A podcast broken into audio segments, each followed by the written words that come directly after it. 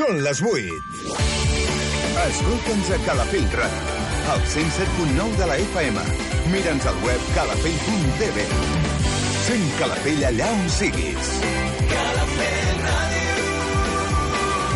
107.9 L'Hora del Jazz. Un programa que t'apropa als millors compositors i les obres del gènere més rellevants.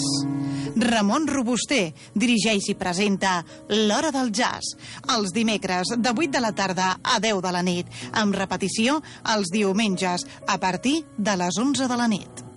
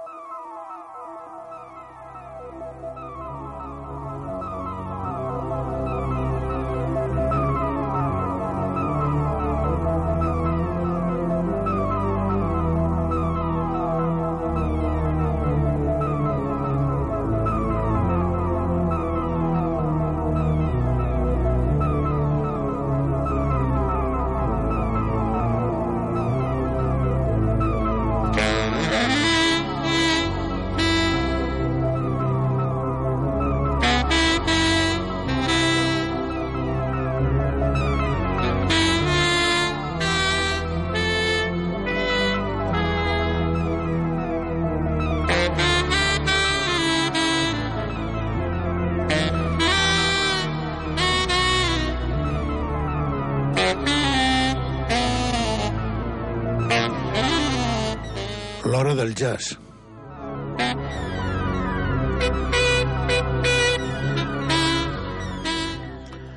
Uh, comencem la temporada uh, normal de l'hora del jazz, uh, l'emissió els dimecres entre les 8 del vespre i les 10 de la nit i la repetició el, el diumenge a les 11 de la nit fins a la 1 de la matinada del dilluns. Eh, dues hores de música que intentem portar, com sempre, novetats, alguna cosa eh, poder més de fa més temps, que considerem eh, important a nivell musical i per la història que pot aportar. I, bueno, escoltar jazz, que és el que ens agrada a tots, no? Avui començarem eh, amb una gravació feta el 2018 a la ciutat de New York amb el, els estudis Anglewood Criff. Eh, eh, ho van gravar al desembre de 2018 amb un músic que crec que una vegada van portar, fa un temps van portar una gravació també d'ell, que és de, una de les últimes també. És el pianista David Kikoski, junt amb un que és un admirat d'ell i, un, i un amic i que han tocat moltes vegades per, per, per, per la zona on es mouen, que és normalment en la ciutat de New York, eh, que és el saxofonista Eric Alexander. Eh, la veritat és que, per lo que diuen les cròniques, han tocat moltes vegades, però mai havien gravat un àlbum junts. I aquesta és la primera vegada i és un àlbum interessant perquè es nota aquest, uh, aquesta, aquesta diversitat que hi ha entre els dos, però també un, una coherència total amb el grup. Junt amb ells, amb el baix, uh, amb el, baix el Peter Washington i amb la percussió el Joe Frankfurt. Uh, estem parlant d'un àlbum de Hit Note Records i uh, amb, un, amb nou composicions uh, de, diferents, de diferents autors. Uh, però la primera, que és la que porta el nom de l'àlbum, que és uh, uh, Phoenix Rising, uh, és la que escoltarem i és precisament una composició a duo del David Kikoski i l'Eric Alexander. Uh, anem entrant amb, uh, amb aquest bon jazz del David Kikoski amb aquesta primera peça Phoenix uh, Rising.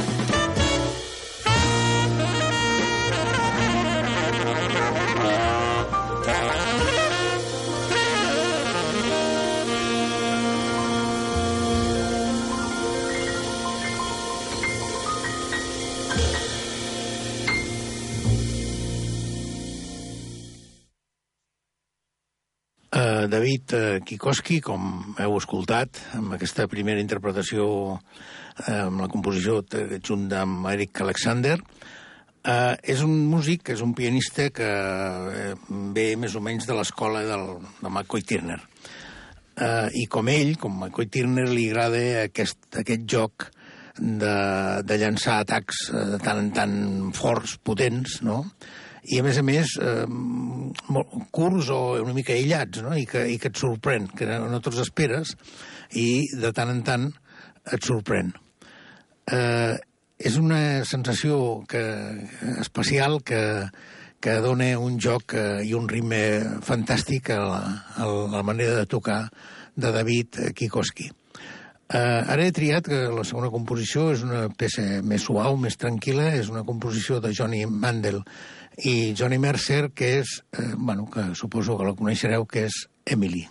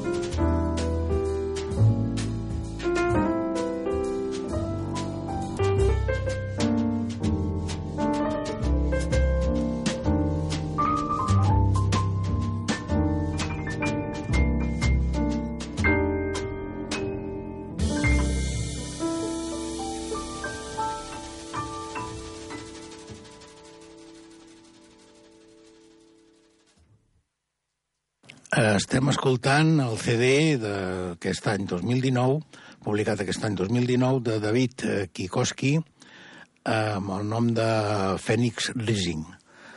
Eh, de les nou composicions eh, escoltarem l última que portem per fer una referència d'aquest àlbum, que és una peça de John Coltrane, és l'única que hi ha de John Coltrane, hi ha peces de Cole Porter, eh, eh, bueno, en fi, de estàndards, la majoria, eh, n'hi ha una també de l'Eric Alexander, que no l'hem escoltat, que està molt bé, que és la segona de l'àlbum, que és el Kid Hit.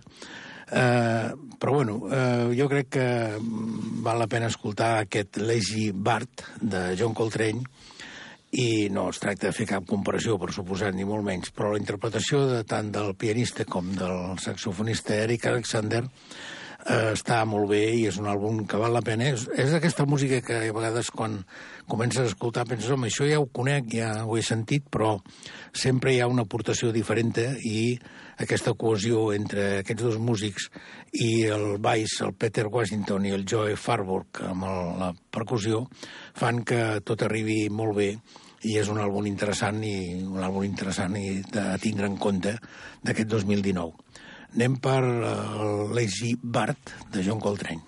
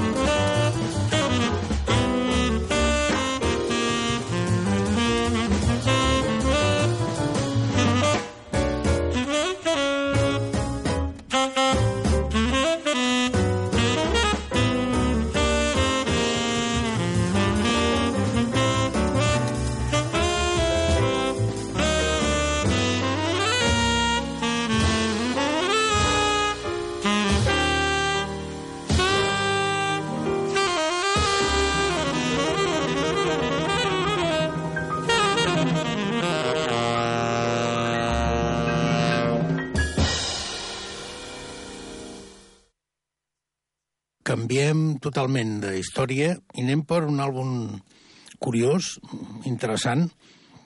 Jo crec que per l'autor important és el senyor Mark Copland amb un àlbum que va treure el 15 d'octubre del 2018 que s'anomena Gary. Eh, aquest àlbum està editat per l'editorial Il·lusions i tingueu en compte que és una edició limitada a 1.200 còpies. Estem parlant de, Gary, de Mark Copland, eh, ell sol al piano, amb una espècie de... no sé si és ben bé un homenatge, però sí que és un, un reconeixement total de la música de Gary Picor, en el que, com tots sabeu, ha estat molt relacionat Mark Copland, precisament Gary Picor, mm, que el, el tenim el concepte molt clar d'ell de, amb, amb moltes de les gravacions de Keith Jarrett eh, com el seu gran baixista, però en el moment en què precisament Gary Picor va voler eh, donar eh, vida a les seves composicions, unes composicions fantàstiques, mm, eh, bueno, amb una, que tenen una senzillesa, però a vegades eh, molt complicades i en moments eh, amb, un, amb una inclinació que, cap, a un, cap a una cosa, cap a un concepte abstracte de la música, doncs quan va voler portar aquesta música endavant va triar el pianista Mark Copland eh, i tots coneixeu que aquests àlbums, el Noftig de, del 2015 i el Tangents del 2017 de, de l'ECM. Eh, I aquí Marc Copland el que ha volgut ha sigut, bueno, ha agafat vuit composicions, eh, set són de Gary Picor i una és de l'Anet Picor, que és la segona, que és la Gary, que està dedicada precisament a Gary Picor. Eh, escoltarem tres peces d'aquest àlbum fantàstiques i anem per la primera, que és Gaia.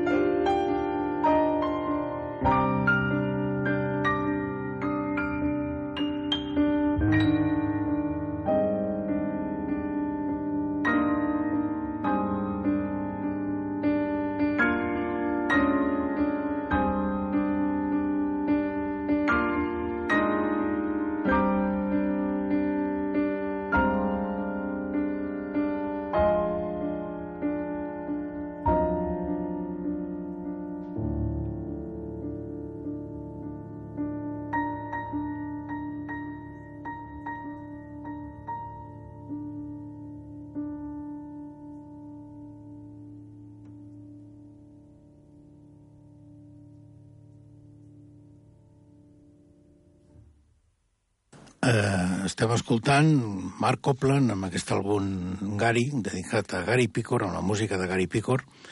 Eh, a part de les dues gravacions aquestes de l'ECM, eh, crec que fa ja bastants anys, 16 o 17 anys, que es va gravar també un altre, un altre enregistrament de Mark Copland i Gary Picor amb duo. Eh, precisament el productor d'aquest àlbum és el mateix que va fer aquesta gravació, que és el Philip Gielmenetti, que és el que ara ha portat eh, aquesta gravació de Gary, de Mark Copland, perdó, eh, eh, ell sol al piano. Eh, I la, aquesta complexitat eh, harmònica que escoltem amb aquestes composicions de Gary Picor i que vam disfrutar ja amb aquests dos àlbums últims de CM, eh, jo crec que pocs pianistes poden arribar eh, amb aquests nivells com Mark Copland per aquesta música.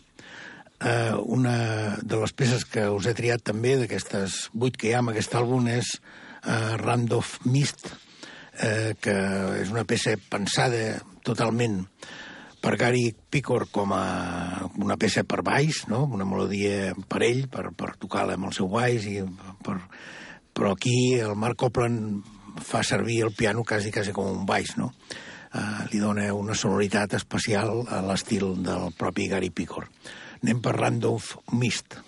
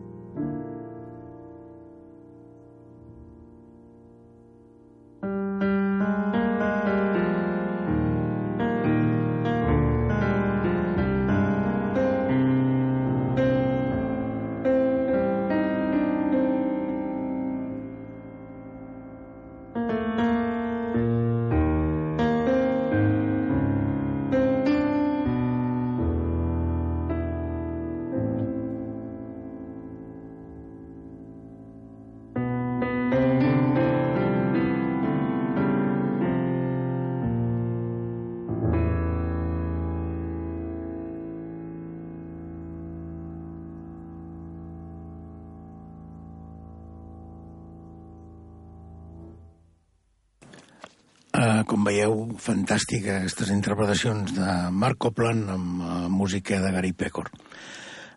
I ta tanca aquesta, aquest uh, CD, aquesta gravació, que com us he dit, és una gravació uh, que està amb una edició limitada de 1.200 còpies, també es pot aconseguir electrònicament, eh? es pot, pot baixar-se electrònicament eh, pagant un import inferior, però bé, és, és també interessant.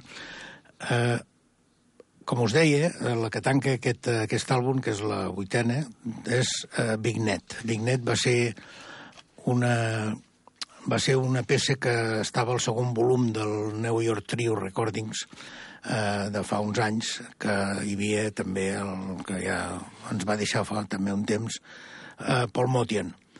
Eh, I és la que us porto ara, perquè és una peça que crec que tothom coneix, i és una de les peces importants de Gary Picor. Anem per Big Net.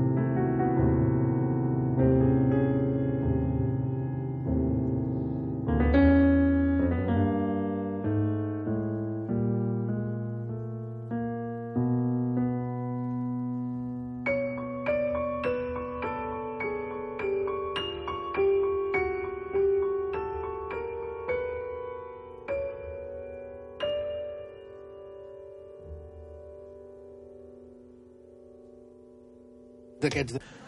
Canviem altra vegada totalment de història i anem per una peça, una meravella, que us recomanem totalment.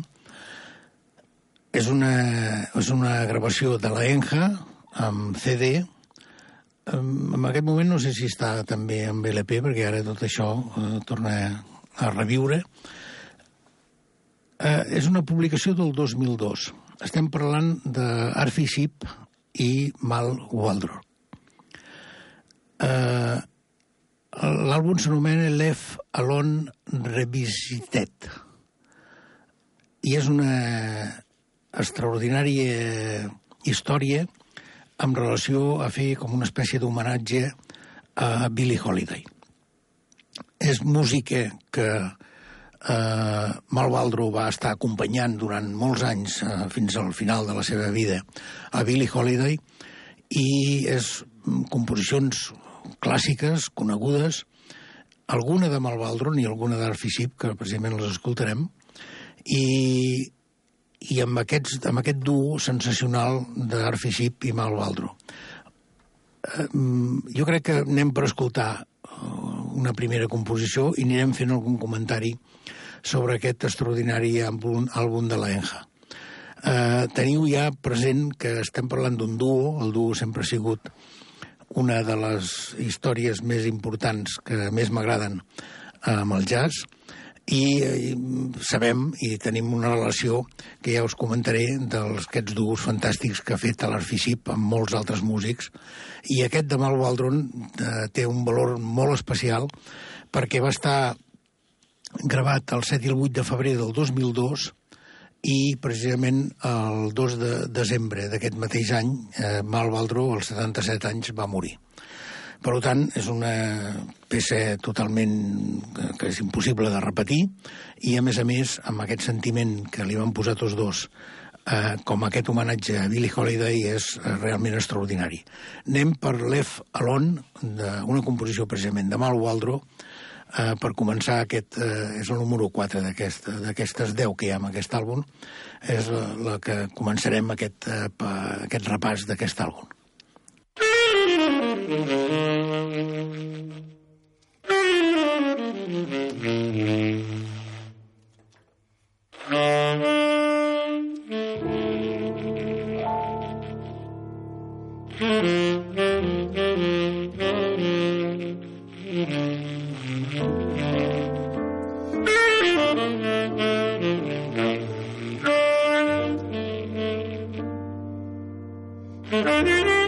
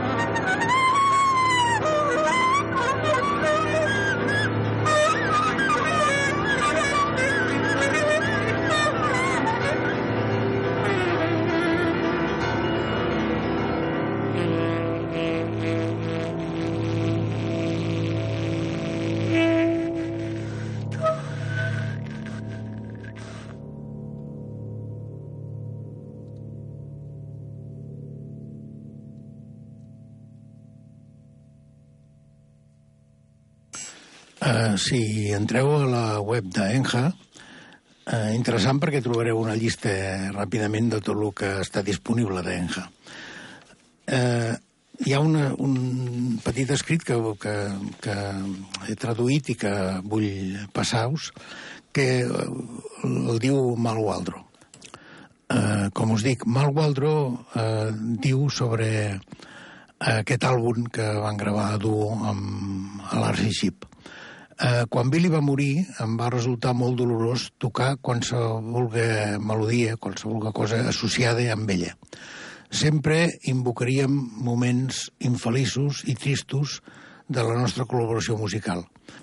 Però ara, eh, per primera vegada amb Archie, o, o potser per culpa d'Archie, eh, seleccionar el material i interpretar les cançons va ser un esdeveniment per mi i un moment alegre en el que vaig recordar moments feliços i positius junt amb Billy. També el fet de restablir el contacte amb Murphy Ship, que és un dels saxofonistes veritablement grans del nostre temps, va fer que la creació d'aquest àlbum fos una experiència fantàstica i increïble per mi. Això és el que deia, el que diu Mal Waldro, i podeu trobar a la web d'Enja. Anem per la segona composició que us he triat, d'aquestes deu que formen aquest àlbum, que és I Only Have Alley for You. Això és una peça del Al Dubing Harry Warren i aquí eh, hi ha una cosa singular que passa amb dos de les composicions, que és que l'Arfiship està amb el saxo soprà.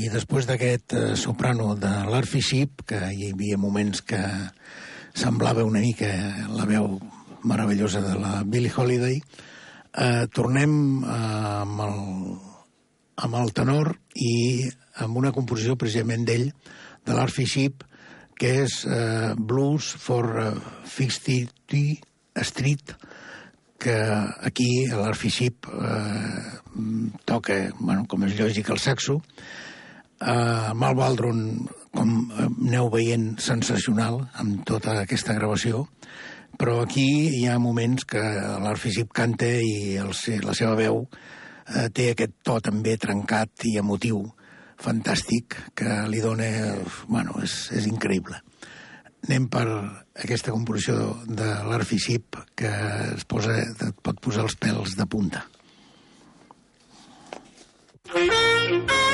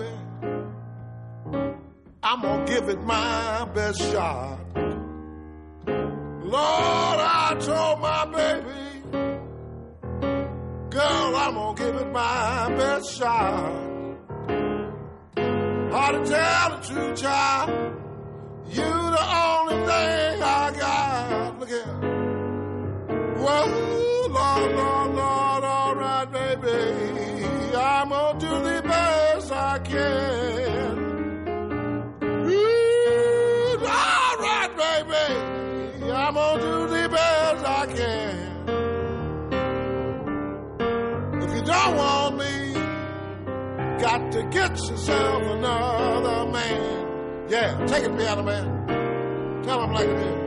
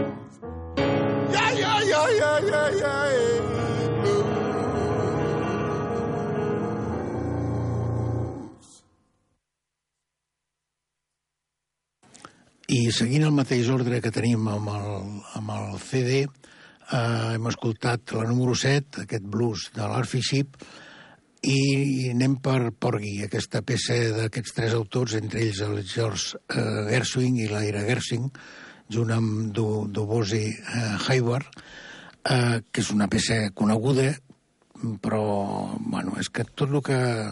Totes les composicions que agafa eh, aquest duet eh, són fantàstiques i estan dintre d'aquesta òrbita de tota aquesta música que Billie Holiday va interpretar d'aquesta manera tan extraordinària. Que, per cert, tenim, tenim per uns propers dies tenim una reedició de Billie Holiday que sona d'una manera increïble i que la portarem al programa perquè jo crec que potser no l'han portat mai, Billie Holiday però aquesta reedició val la pena perquè és, és tècnicament brutal. Eh, com us deia, eh, aquesta peça de, de Gerwin eh, porgui eh, amb una seriosa i sòbria interpretació de l'Arfíship.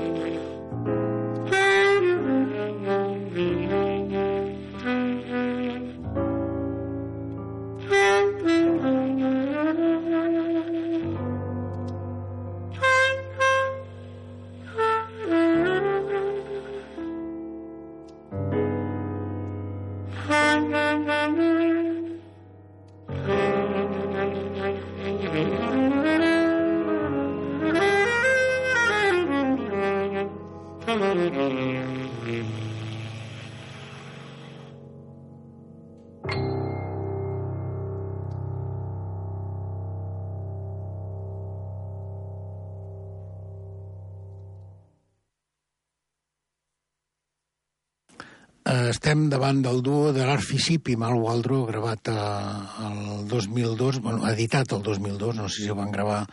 No, ho van gravar el 7 i el 8 de febrer del 2002, precisament, que abans ja ho he explicat, a la Muse en circuit a París.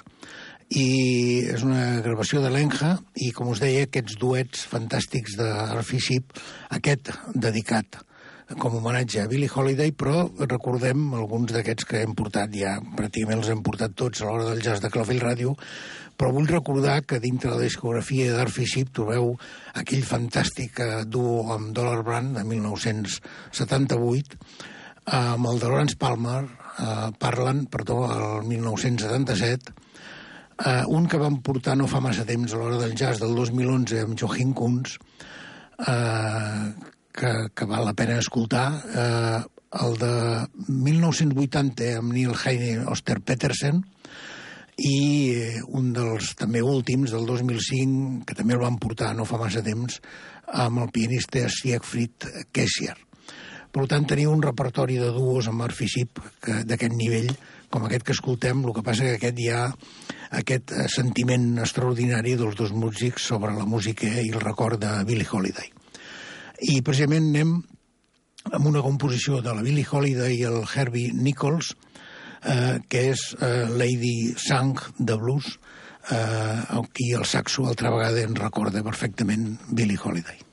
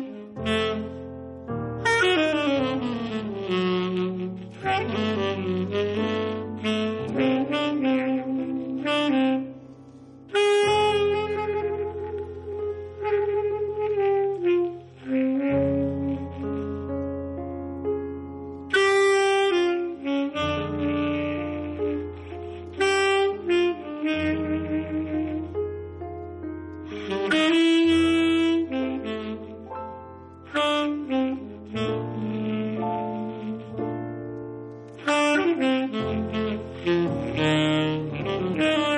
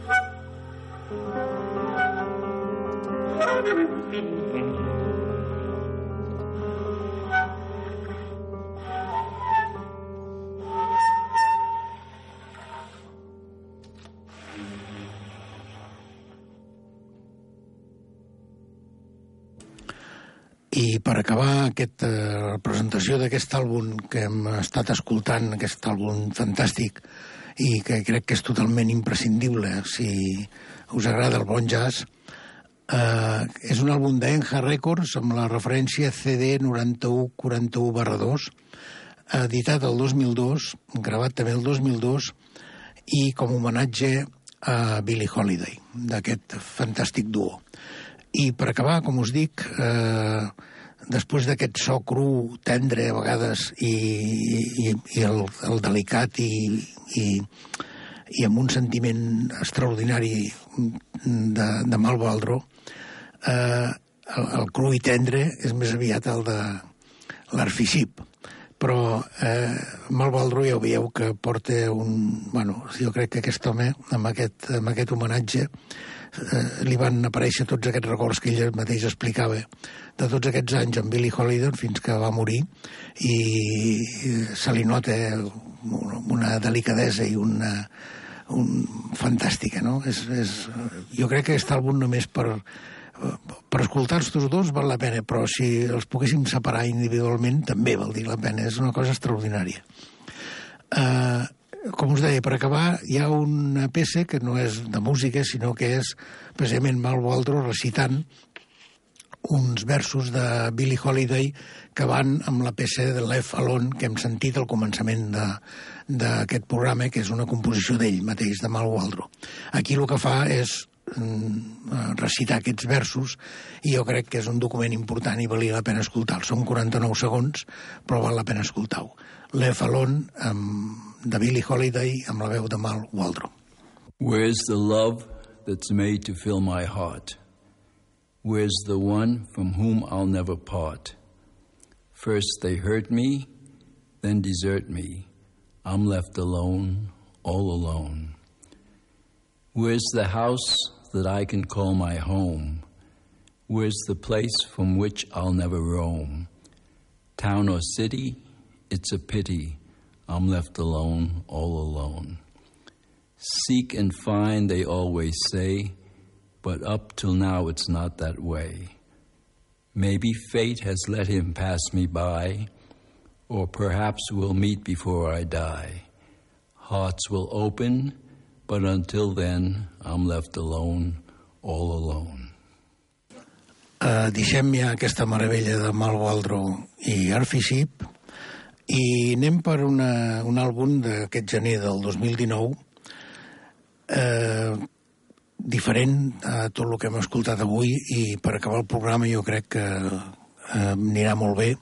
És una música mm, totalment improvisada, totalment diferent i eh, és una sensacions estranyes, diferents, eh, dintre de, del concepte de música total o de música de jazz. Eh, està format per tres músics importants. El primer, Erilt Andersen, eh, aquest gran compositor i baixista. El segon, Clive Bell, que és un músic eh, que eh, ha estat... Bueno, després comentarem una mica cada un d'aquests altres músics, eh, la seva, una mica de què va la seva història. Eh, aquí ens toca eh, el, el crene, eh, que és un orgue, un orgue de, de, de boca, és un orgue que es fa servir amb, amb la boca, eh, el sakukachi, eh, la flauta, i el sinou bue. Eh, tot això ve perquè va estar molt de temps al Japó estudiant tots aquests instruments i utilitzant-los eh, va estar per, per, uh, amb aquest orgue, amb aquest amb el Sakukachi, que és aquest, i el Kene, que és aquest orgue de boca tailandès, eh, va estar per l'Àsia Oriental, va estar per Tailàndia, per Laos, per Bali, i ampliant el viatge també, doncs, com us he dit abans, al Japó. Eh, estudiant amb un mestre de, del Sakukachi, que és el eh, eh, Kaochi Miyata. Eh, això és el que explica una mica la bibliografia de Cliville Bell. Eh, I acompanyant-nos amb ells el Marx Wastel, que és el, és el fundador de Comfort Recordings, eh, aquesta empresa que porta aquest àlbum, eh, que treu aquest àlbum, l'empresa és Comfort, el número de, de, de, de sèrie de Comfort és el Core 05, és, un, és un, un editorial dedicada a tot a conceptes similars amb aquest que escoltarem avui, i hi ha nou composicions enumerades des de l'1 fins al, fins al 9. La última té alguna que veure amb aquest extraordinari àlbum d'Eric Anderson, que és el Mira, que fa un temps també van portar al programa de l'ECM, i les de més són totes composicions eh, improvisades del trio. Estem parlant de l'Eric Anderson, Clive Bells i Marx Westel. El Marx Westel toca la percussió, la caixa eh, Saruti, eh, que és com una mena d'harmoni indi, i bueno, instruments doncs, de, de, de percussió. Eh, és un personatge molt actiu a l'escena d'improvisació anglesa eh, i durant dues dècades ha estat eh, fent gravacions. La primera la va fer amb Philip Wagman eh, el 1995 amb el violinista. I també mm, és molt conegut el Marx Westel per els seus treballs amb el violoncel. Eh, anem per la primera peça. El, el que farem serà, amb aquest final del programa, escoltar la 1, la 2 i la 3 i la 4. Eh, tenen una certa relació entre elles, mm, eh, però jo vull separar primer la 1, perquè aquí hi ha una introducció fantàstica de l'Eric Andersen eh, per, perquè comencin a funcionar tots aquests instruments tan especials del Clive Bell i el Max Western i jo crec que val la pena posar-la poder una mica separada. És la número 1 de l'àlbum i és la que escoltem ara, la 1.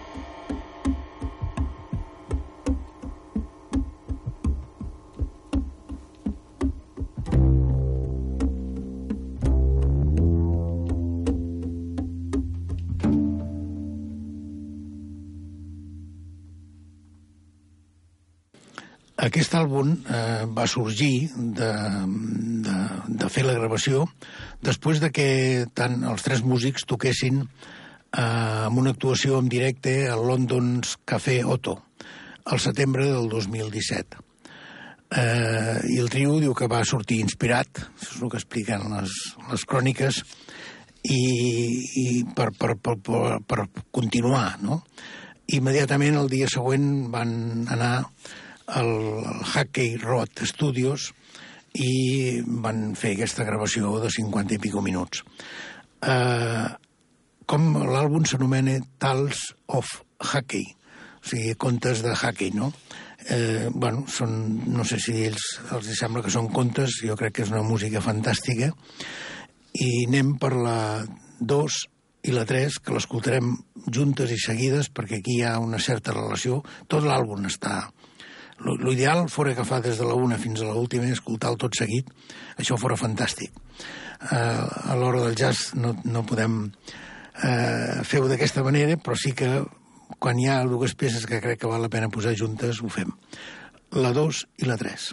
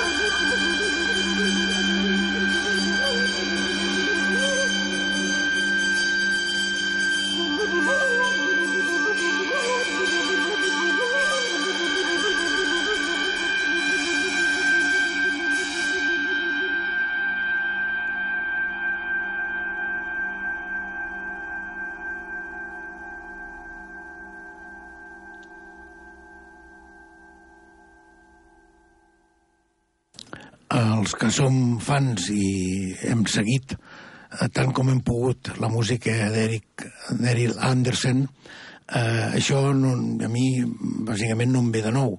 Sí que és especialment singular per aquests instruments del Clive Bell i del Marx Westel però eh, la música que aquí escoltem i que sentim està dintre de moltes de les composicions d'Eric Andersen, hi ha una certa història combinada, no? hi ha una continuïtat. Anirem per acabar el programa, escoltem la composició número 4, eh, i d'aquí hi ha unes, una extraordinària eh, història de la flauta de, del Clive Bells, que sembla que estigui flotant per damunt de tots aquests instruments que van fent aquesta descripció del paisatge. Música improvisada, música increïble, de l'Eric Anderson, Clive Bell, Max Webster, amb aquesta, amb el Talents of Hackney, Hackney eh, de l'editorial Comfort. Ha estat l'Edu al control i Ramon Robuster, com sempre, que sigueu bons i, sobretot, escolteu jazz.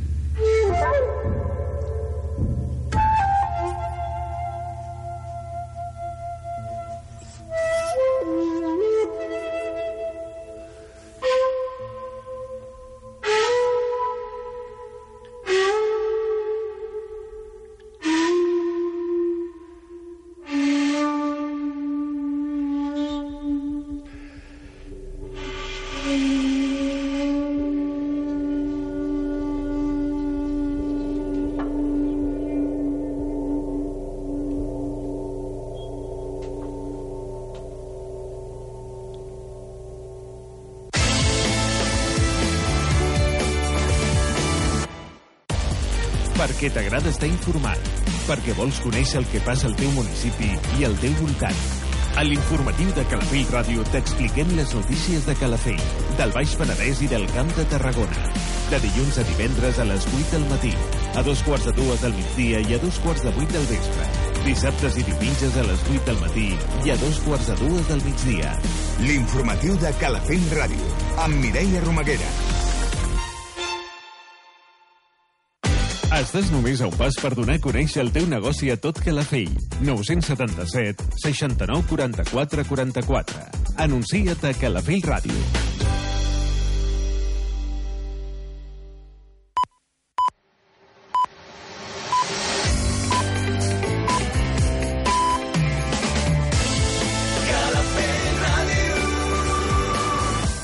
Són les 10. Escolta